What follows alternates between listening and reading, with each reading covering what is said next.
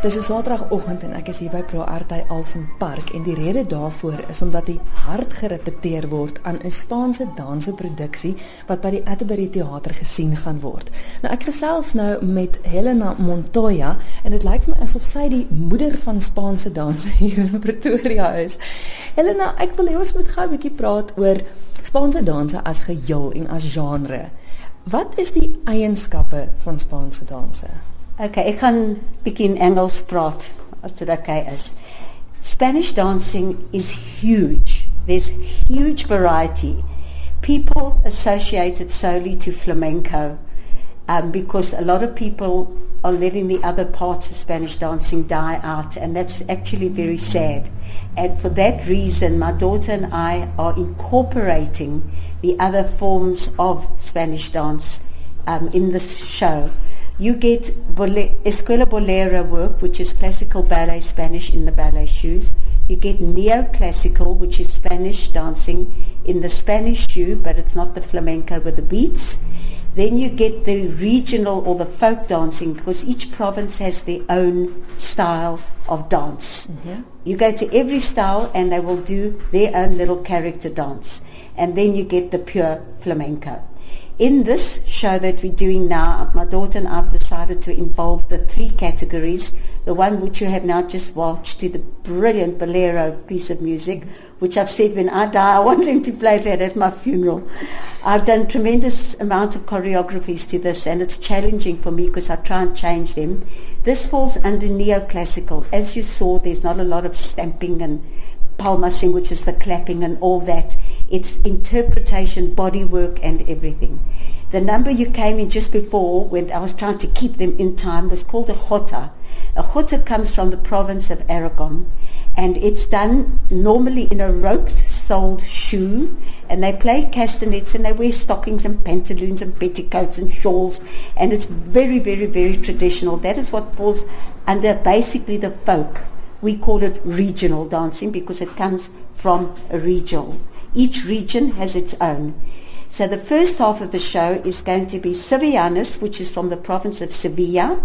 It goes as a regional dance, but we do it in flamenco style, but it's more fun.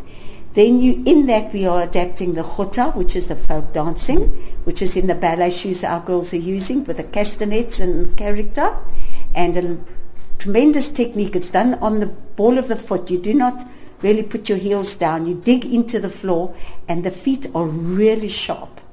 So it's quite a challenge and it's quite a technique. The arms are held up, so it is quite challenging, but we will get there. and and then I'll be doing the bolero, which is the neoclassical, and then my daughter is mainly in charge of the flamenco in the second half. And there you get the footwork, which is the zapateado, the palmas, which is the clapping, and the movements and the arms and rhythms. And in the flamenco is where we play with the rhythms. We do contratempo, which means against the beat, or they say it's like a comma in a sentence. And in that little comma, you're putting another sound. So instead of just going boom, boom, boom. You go taka, taka, taka, taka, tang, or taka, taka, taka. So you literally play with just a one, two, three, four, five, six, seven, eight, nine, ten, eleven, twelve. One, two, three, four, five, six. Four, five, six, seven, eight, nine, ten, eleven, twelve, one.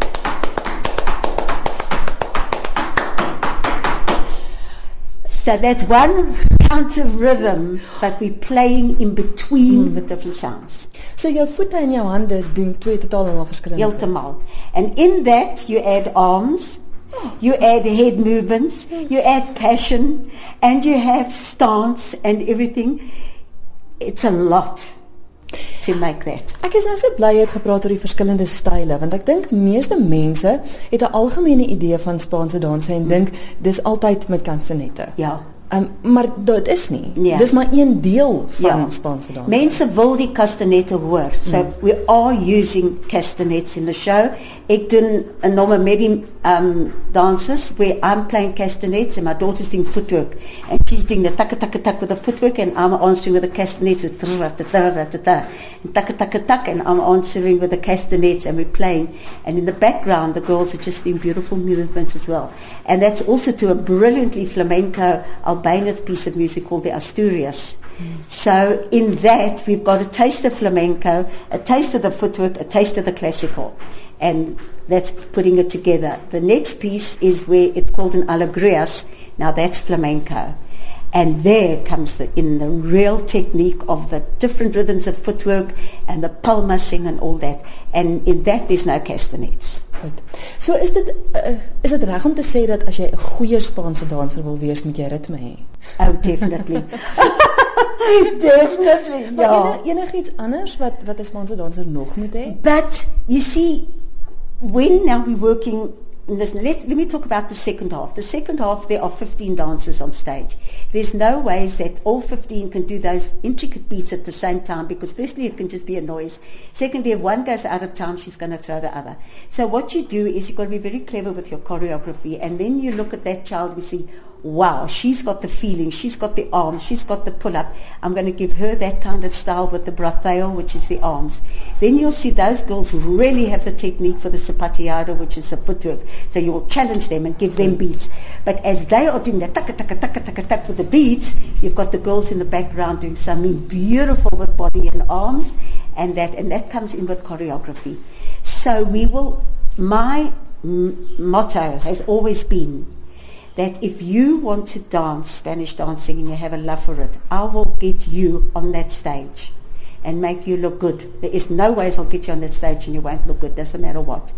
And in the first half of the show, we have got people on stage who are brand new, people who are dancing for years, from the age of six to very adult. And they are in one scene, but I've put some with shawls, some with fans, some with little props we call them and they're looking beautiful with that of the upper body but maybe they're not good with the footwork. So don't give them the footwork. So you hold the beste uit elkeen uit. Elkeen and I, if we, we put the offer out went to all the hope um, we're doing a collaboration both our studios and the offer went out do you want to be in España 2013 whoever said yes we took them. Didn't matter about their grading but the second half of the show are the dance are the um, more professional dancers so we're going in um, standard because the audience want to see. The audience don't want to just see three good girls who do taka taka taka taka taka, a million beats, a million turns, and boom, finish because it can get boring. Now, maybe some people are not going to like what I'm saying now, but I know it's true. So, we are doing everything to build up to the pure flamenco. And of course, it's the dream of all of them to get there. It's that. And the people need to see it. Otherwise, where do the kids see it? We don't see it on TV anymore. We don't get exposure anymore. We've got to fight it ourselves to keep it going. Otherwise, it's going to die here.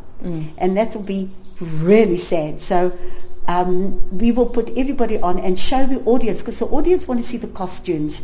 The first scene we are really using costumes from the traditional costumes with the box pleats and all that, which if we made new now would cost a lot of money. So Montoya has kept them in a storeroom. We've taken them out and we're using traditional. The bolero, which you have just seen, is also the traditional, but it's on a more classical line. And then the flamenco scene, we've gone back to all the frills and everything and the spots. Ja, want die kostuum speel 'n ongelooflike belangrike rol. Huge, huge.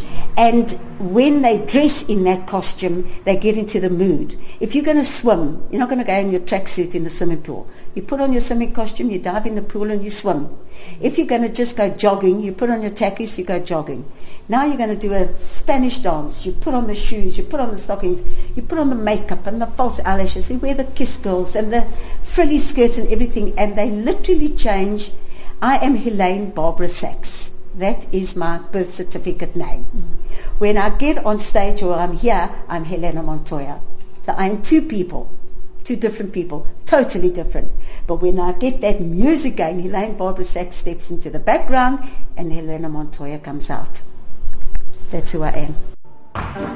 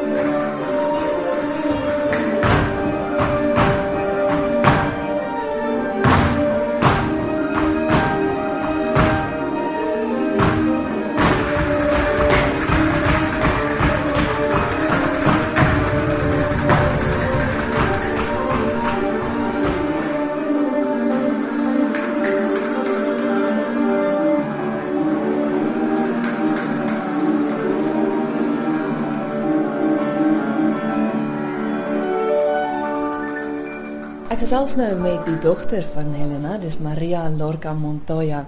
Maria, ek het nou met jou ma oor 'n hele paar aspekte van Spaanse dans gepraat. Ek wil gou weer terugkom na die kostuums. Die kostuums is baie belangrik, maar speel kleur van kostuums ook 'n rol? It depends on what kind of number you're doing. You would see that with um, certain flamenco numbers, the moods differ entirely. You've got your light flamenco numbers, your heavy flamenco numbers, and your mediocre flamenco numbers. If you were doing a light flamenco number, you wouldn't necessarily wear black or heavy colors because it's a light kind of dance. So then you would go for more of your polka dots or your florals and your bright colors. Um, if it's a heavy flamenco dance, you would then obviously stick to your reds and your dark colors and just uh, kind of helps to enhance the mood. And with each kind of flamenco dance you get, you actually almost get an original costume that would go with it. Um, we've obviously steered away from that because as things are getting more modern, we've broken away from the tradition. But you get like a, a flamenco dance called a soleares, and um, that you would usually do in a tail skirt, which is called a bata de cola, and it drags behind you. Now that would be a traditional costume to wear with it because it affects the style of the choreography Jy as het well. so een aangegaat nou met die begin van die bolero. Yes, ja, dis reg. Ek gaan ons praat oor die skoene, want ek het nou terwyl jy so gedans het gekyk na die skoene. Dis outomaties 'n spesiale tipe skoen wat jy nou aan. It is. Um, you obviously we get shoes that are locally made in South Africa, um, but the you know when we dance professionally, we like to buy our shoes directly from Spain. Um, they just made from a professional. My favorite type is called Galliardo, but you get different. Lots of different makes, and um, if you actually look at the Spanish shoe, um, it's actually got nails that are hammered into the soles of the shoe. Ek wou vir jou vra want ek meen daar moet tog iets wees wat Yes, it helps with the sound. So um, it doesn't. Obviously, they've you know smoothed it on the inside, so you don't have nails poking into your heels and toes. Otherwise, we'd sound like happy feet. We'd be so sore. But it does have the nails at the bottom of the shoe to enhance the sound, and it does have a very thick sole underneath. And um, with the professionally made shoes, the instep is really. Um, it's made really well to support your foot. because of the amount of impact that you have on your foot when doing the footwork and that. Julle produksie is te sien by die Atterbury Theater. Augustus. Wat is ja, die datums Ja. en dan ook ehm um, hoe maak luisteraars om die kaartjies te kry? It's from running from the Atterbury Theatre from the 21st till the 25th of August, and you can book directly through CompuTicket. It's at the Atterbury Theatre, and um, there's evening performances from Wednesday through to Saturday at 8 o'clock, and then we've got two afternoon performances on the Saturday and the Sunday at 3 o'clock, and you can book directly.